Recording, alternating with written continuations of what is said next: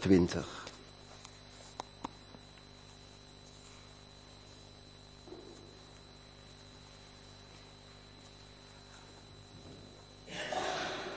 Romeinen 8 vanaf vers 18. Paulus schrijft. Ik ben ervan overtuigd dat het lijden van deze tijd in geen verhouding staat tot de luister toekomst zal worden geopenbaard. De schepping ziet er rijkhalsend naar uit dat de luister van Gods kinderen openbaar wordt.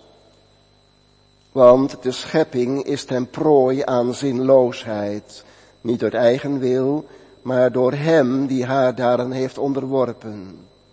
Maar er is hoop, omdat ook de schepping zelf zal worden bevrijd uit de slavernij van de vergankelijkheid en zal delen in de vrijheid en luister die Gods kinderen geschonken wordt.